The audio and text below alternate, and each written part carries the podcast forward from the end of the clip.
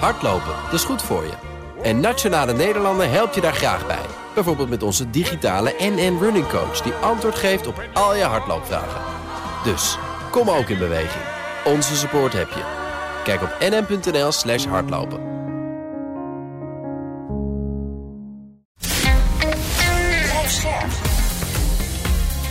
BNR Nieuwsradio. Boekenstein en de Wijk. Hugo Reitsma. Dit is een extra uitzending van Boekenstein en de Wijk in verband met de oorlog in Oekraïne en de crisis met Rusland. Het is maandag, dag 215 van de invasie. Uh, Rob, had jij informatie over de situatie op de grond? Nee, eigenlijk niet. Oh. uh, er is, uh, ja, nee, het zit gewoon hartstikke vast. Uh, ook als je gaat, kijkt naar de rapportages uit die gebieden, dan wordt er gezegd, er zijn hele kleine vorderingen worden gemaakt door Oekraïne, maar eigenlijk zit het, zit het gewoon vast.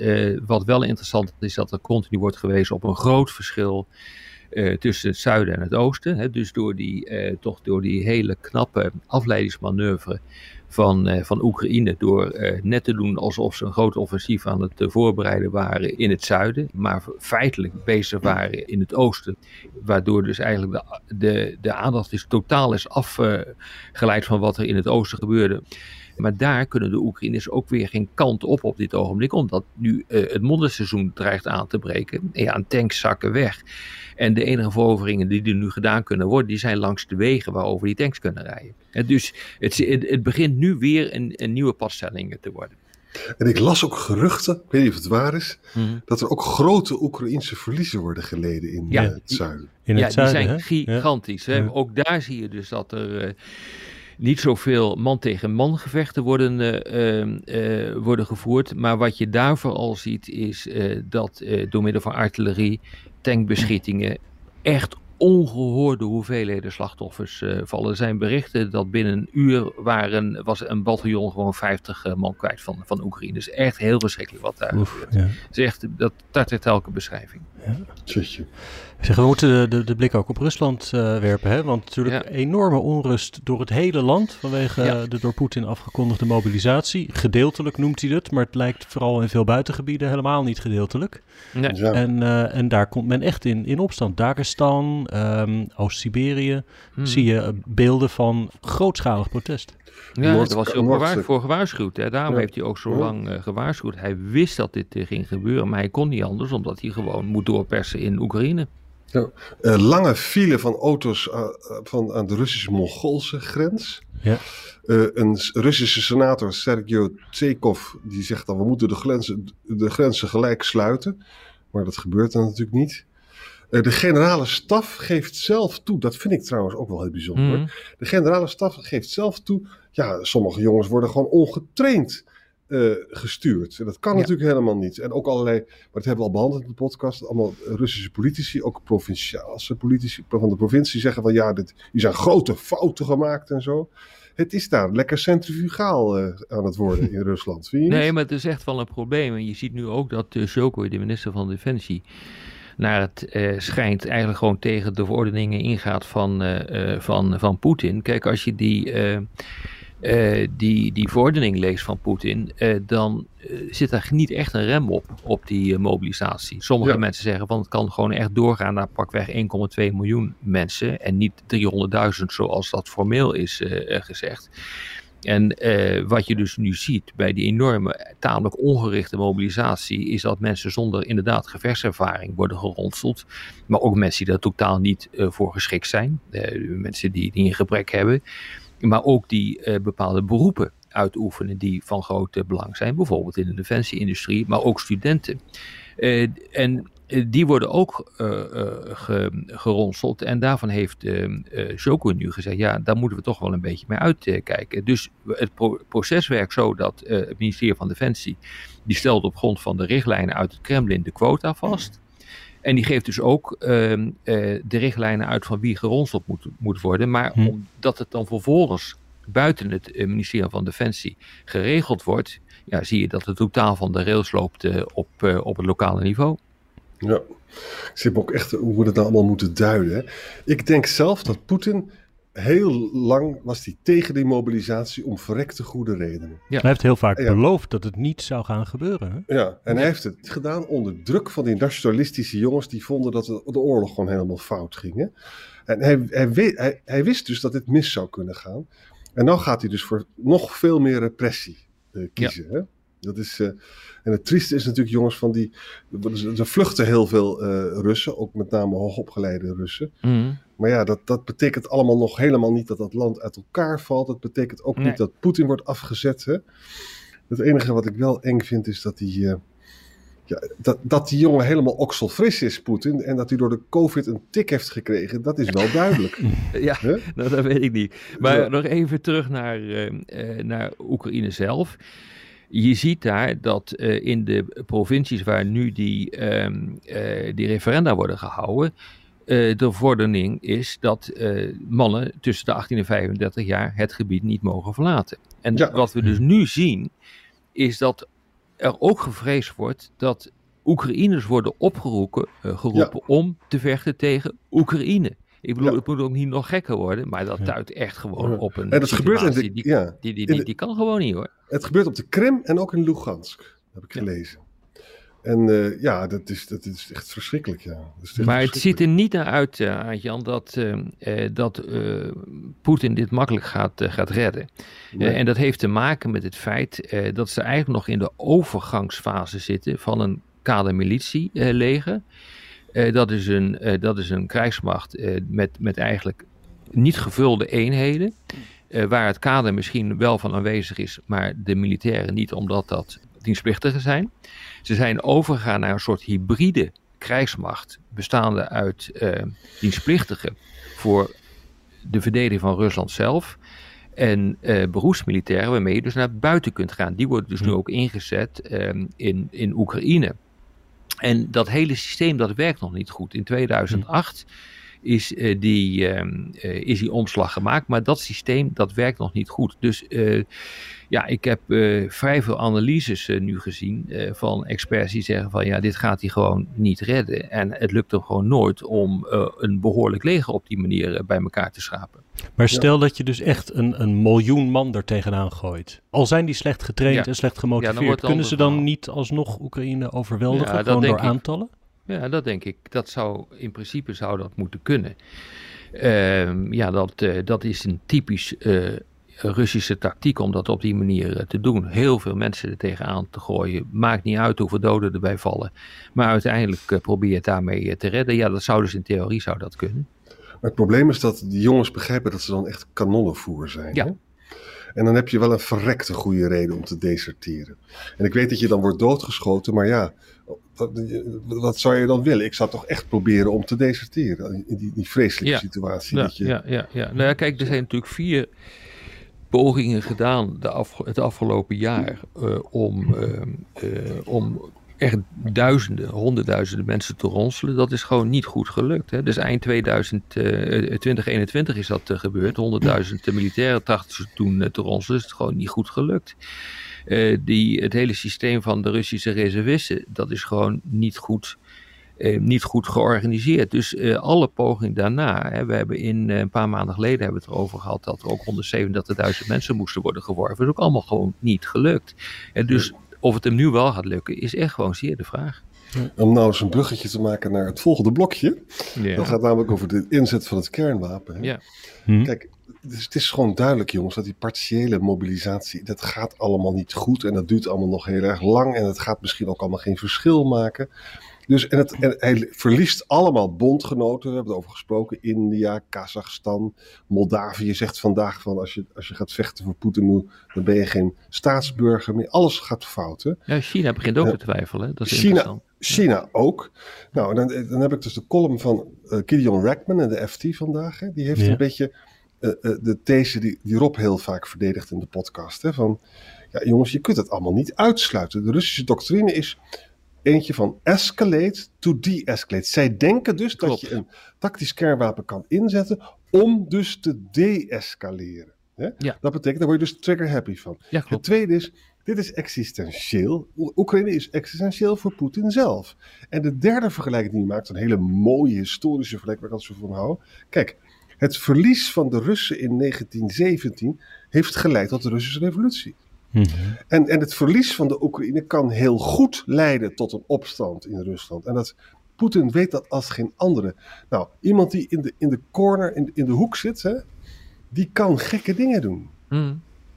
Maar het, is, het is wel heel belangrijk wat je zegt, hè? Die, uh, die doctrine, die nucleaire doctrine, die houdt inderdaad in uh, dat je kunt gaan escaleren om ervoor te zorgen dat er de-escaleerd uh, wordt. En dat kan ja. ook nucleair zijn. En uh, we hebben dat ook, uh, ja, ik heb dat wel vaker verteld hoe dat in elkaar zit. En dus kennelijk die Rachman, die, die zegt nu hetzelfde. Maar als ik gewoon de reacties kijk, ook bijvoorbeeld op de sociale media, maar ook van, ja, van collega's uh, die ook duiden, uh, dan wordt er gezegd van uh, ja, moet je dit nou allemaal wel zeggen? En dat is toch allemaal angst aanjagen en dat is toch mm. precies wat, wat Poetin voor ogen heeft. Mm. Inderdaad, dat heeft Poetin ook voor ogen, maar ja, we moeten wel de realiteit onder hem ogen zien. Hoe, hoe verklaar jij dat nou aan Jan of Hugo? Wat, wat, wat moeten we hier nou van denken? Wat is dit voor een debat? Nou, kijk, volgens mij zit het als volgt in elkaar. Um, die, die denkschool zegt als je nucleair laat chanteren, dan ben je dus ook niet meer bereid om HIMARS met een langere dracht of zo te geven. En, dan, en misschien was het allemaal wel niet nodig en dan laat je de Oekraïners zingen. Dat zit erachter. Hè? Het probleem is alleen, het, is eigenlijk, het wordt eigenlijk heel rationeel. Ik zal je een voorbeeld geven. Mhm. Als hij boven de Zwarte Zee of boven Antarctica iets hoog in de lucht laat ontploffen. Hè? Dat is eigenlijk een beslissing die hij best kan nemen. Gewoon kijken wat er gebeurt. Mhm. Het is ook niet voor niks dat de Amerikanen, ik heb het al niet genoemd, de Amerikanen zijn hartstikke nerveus. Ja. Ze hebben ook laten weten uh, zondag van uh, de, uh, catastrophic consequences en zo. Ja. Hele, hele team zitten bij het White House te rekenen wat ze allemaal moeten doen. En dat komt natuurlijk, jongens, omdat het bepaald niet uit te sluiten is dat het gaat gebeuren. De Amerikanen zijn serieuzer dan de Europeanen. Dat is heel erg opmerkelijk. Uh, en die zijn ook zenuwachtiger dan de Europeanen. Hier denken we, nou ja, het zal wel wel. Het is toch een vorm van cognitieve dissonantie. Hè? Dus je weet het eigenlijk wel dat het erg is, maar je wil er niet aan denken. En, uh, en je probeert gewoon uh, door het weg te schuiven uit het debat, denk je dat het er niet is. Dat is een beetje ja, wat, eh, wat kinderen ook doen, die onder een dekbed gaan liggen en denken dat, dat de buitenwereld hun niet kan zien. Dat is natuurlijk niet zo. Mijn poes doet dat ook. En die, die kruipt ook dan weg en dan denkt hij, nou, dan ben ik veilig. En dat is natuurlijk lulkoek. Dat is gewoon niet zo. Maar wat er dus, hey, dus inderdaad, die catastrofale gevolgen waarop is gewezen. Maar realiseer je, Blinken, de, de veiligheidsadviseur, die heeft nu uh, gezegd: wij hebben achter de schermen met Rusland overlegd. En we hebben ze gewaarschuwd wat de gevolgen kunnen zijn. Wat zijn die catastrofale gevolgen? Dat is dus de afgelopen dagen, uren is dat gedaan met, uh, met Rusland. Dat doe je niet als je niet buitengewoon zenuwachtig bent dat zoiets hm. kan, uh, kan gaan gebeuren. En Blinken die zegt ook van nou, we hebben niet aangegeven wat dat zou kunnen zijn. Want we hebben geen zin om een discussie te krijgen over dit soort zaken. Maar bijvoorbeeld, eh, ik ben ervan overtuigd dat een van de uh, uh, redenen uh, die je kunt, of een van de oplossingen die hiervoor is, is bijvoorbeeld, en je hebt het zelf al genoemd Jan, is het zetten van nog langere afstandssystemen naar Oekraïne, zodat ze Russisch grondgebied kunnen gaan bereiken. want dat kan dan, omdat je dan feitelijk al de nucleaire grens bent overschreden. En dan wordt het een heel ander verhaal. En dan kun je dus ook inderdaad doelen gaan treffen op, uh, op Russisch grondgebied. Een andere mogelijkheid is dat de Amerikanen zelf zeggen: we gaan met conventionele wapens uh, gaan we doelen bestoken waar die raketten vandaan komen. Of weet ik veel hoe ze dat gedaan hebben. Hm. Dat, daar hebben de Amerikanen systemen voor, conventionele systemen. Dat is het zogenaamde Prompt Global Strike systeem. Dat zijn, dat zijn intercontinentale raketten met conventionele ladingen. Dat is bloedlink als je dat gaat doen. Want dan kan het echt leiden tot een uh, grote kernwapenoorlog. Hm. Maar ja, in deze fase zijn we god beter op, uh, inmiddels aangeland. Ja. Een van de argumenten erop van die andere kant, de andere kant van jouw standpunt, zeg maar, die ik wel interessant vind, is mensen die zeggen van ja, als Poetin een nucleair wapen zou inzetten, daadwerkelijk, hè, niet, niet demonstratief of een, of een kernproef, hm. maar dan zou hij dat in Oekraïne doen. Als zij daar het eerste slachtoffer van zouden worden, is het dan ook niet aan hen om te besluiten of ze dat risico willen nemen? En ze willen dat. Moet dan het Westen op de rem gaan staan, terwijl wij niet het eerste slachtoffer van een Russische kernbom zouden worden? Precies de reden waarom ik zei, dat is een de grote aanleiding voor Amerika om uh, die harmers van raketten met de langere drachten te gaan voorzien. Dus dan krijg je dat soort antwoorden. En als het helemaal te bar is, uh, dan gaat Amerika zitten tegenaan bemoeien. Ja, dat, gaat, jongens, dat, dat, ga je gewoon gebeuren. Ja, maar jongens, deze discussie, allemaal... dat, we dit, dat we dit moeten meemaken in ons leven, ja. dat we deze discussie voeren. Want eigenlijk waar we dus over praten, jongens, we zijn op het gevaarlijkste moment in de geschiedenis sinds 1945. Potentieel. Het is gewoon bloedlink. Het is bloed, bloedlink. Ja. En er zijn allemaal redeneringen waardoor het dus wel gaat escaleren. Iedereen wordt, iedereen wordt trigger happy. En, uh, want, want namelijk, als bijvoorbeeld de Amerikanen conventioneel terugslaan hè, naar uh, nucleaire silo's en zo, ja, dan, dan voor hetzelfde geld. Jongens, uh, dat gaat, is gewoon echt. Dat, dat, is, dat, ja, weet je. Nou ja, daar, daar moet je gewoon even niet aan denken. je moet het natuurlijk wel doen, want als planner moet je gewoon over nadenken. Ja, een van de andere argumenten die ik dus van die andere kant hoor, is mensen die zeggen van ja, Poetin zou er ook niks mee opschieten om een kernbom in te zetten. Wat, ja, maar dat is gewoon ja, lulkoek. Ja, je verslaat daar Oekraïne niet mee als je, als je zo'n bom ergens opgooit. Nee, maar je moet dan nadenken over hoe er een einde is gekomen, althans volgens de Amerikanen, aan uh, de oorlog uh, van Japan tegen de rest uh, van, van Azië. daar is met één grote klap een einde aan gemaakt door twee kernwapens op Nagasaki en Hiroshima. Nou zeg ik niet dat Rusland kernwapens gaat, gaat gooien op Kiev om er een einde aan te maken, maar je moet je maakt een punt met een kernwapen. Hmm. En dit, soort, dit soort redeneringen, van uh, wat schiet ermee op? Dat, uh, dat wordt gezegd door mensen die geen idee hebben van wat een kernwapen is. En wat de oorspronkelijke functie van een kernwapen is en wat de huidige functie is van een kernwapen. Dan kan je dat soort dingen inderdaad roepen. Maar dat is eigenlijk, dat zijn bezweringsformules zonder niet echt over na te hoeven denken. Nou ja, en wat die mensen dan roepen is dat ze zeggen, zwichten voor nucleaire chantage is eigenlijk misschien nog wel erger. Dan ja, maar wie zegt dat je zwicht voor nucleaire chantage? Uh, waar het, uh, je zwicht voor nucleaire chantage als je nu zegt van oké, oké, Poetin, we houden mee op. Maar daar is helemaal geen reden voor om dat te denken. De wapenleveranties gaan door, de, uh, de, de sancties gaan door. En op het moment dat hij een kernwapen gaat gebruiken, ja, dan kom je gewoon in een hele andere situatie terecht. En dan is het al een nabevind van zaken. Hmm. Weet, je, weet je, jongens, het is eigenlijk heel complex. Hè? Op zichzelf genomen zijn die argumenten valide. Hè? De Oekraïnse troepen zijn verspreid, dus met een tactisch nucleair wapen is de fallout beperkt. Dus het kan, zou heel goed kunnen zijn dat dat niet een, een beslissende invloed heeft op het slagveld. Maar het, het kan leiden tot een enorme escalatie. Dat is het argument. Ja, ja en realiseer je dat het feit dat we nu deze discussie hebben, ja. dat, moet, dat kun je niet bagatelliseren. En ik vind het grote probleem met de, de, terechte opmerking die je maakt, eh, Hugo, en zo wordt er inderdaad in bepaalde kringen over nagedacht, dat dit eigenlijk wordt gebagatelliseerd. En uh, dit is zo ernstig uh, wat we nu uh, meemaken. en dat zie je dus ook dat de Amerikaanse regering dat nu ook heel erg goed begrijpt. Kijk, wij Europeanen staan erbij en kijken ernaar en weten eigenlijk gewoon niet meer wat we moeten. Maar de Amerikaanse regering is nu aan zet en ziet zich nu geplaatst in een situatie waarin dit zou kunnen gebeuren. En dat is gewoon, dat is gewoon toch, nou ik wil niet zeggen dat de paniek is uitgebroken, maar het feit dat je nu via diplomatieke kanalen, of hoe ze het ook hebben gedaan, ik denk dat het via militaire kanalen is uh, gegaan, duidelijk te maken van jongens, als jullie dit gaan doen, dan zijn dit de consequenties. Dat betekent gewoon dat voor de Amerikanen dit aanstaande is. Ja, zo ging het ook voor de inval. Hè? Zo is het. De Amerikanen zaten daar ook niet fout mee. En die moeten gewoon nu uh, goede intel hebben dat dit inderdaad uh, op die manier zou kunnen gaan gebeuren. Anders doe je dit niet. Ik denk overigens ook dat in, bij Scholz en ook bij Macron, die toch al uh, graag wilden onderhandelen, die zijn natuurlijk ook kapot geschrokken nu. Hè? Ja. En die zoeken dus ook naar wegen. Hoe kunnen we dit weer een ja. beetje kalmeren?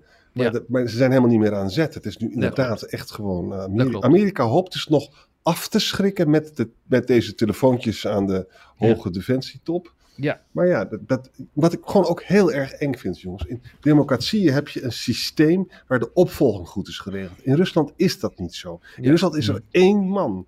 En als die ene man misschien een beetje slecht slaapt, of misschien een beetje gek is geworden, dan wordt het probleem dus nog veel groter. Nou ja, wat dat betreft denk ik dat die, die, die, die Poetin misschien nog wel eens een keer terugdenkt aan, de, aan, de, aan het begin van deze oorlog. Toen hij met te weinig troepen uh, die. Uh, die oorlog is begonnen, waardoor mensen zoals ik uh, zeiden van dat gaat hij niet doen. Maar het interessante is, uh, zijn toenmalige adviseur en ambassadeur in, uh, in Oekraïne, Dmitri Kozak, die heeft toen het mandaat gegeven om een deal uit te onderhandelen met Zelensky. Ja. Dat en, daar, ja. ja. en daarvan heeft Zelensky gezegd, ja die deal, wij, wij die, die, daarvan heeft Zelensky kennelijk gezegd van oké, dat accepteren we, geen lid worden van de NAVO. Een soort neutraliteit.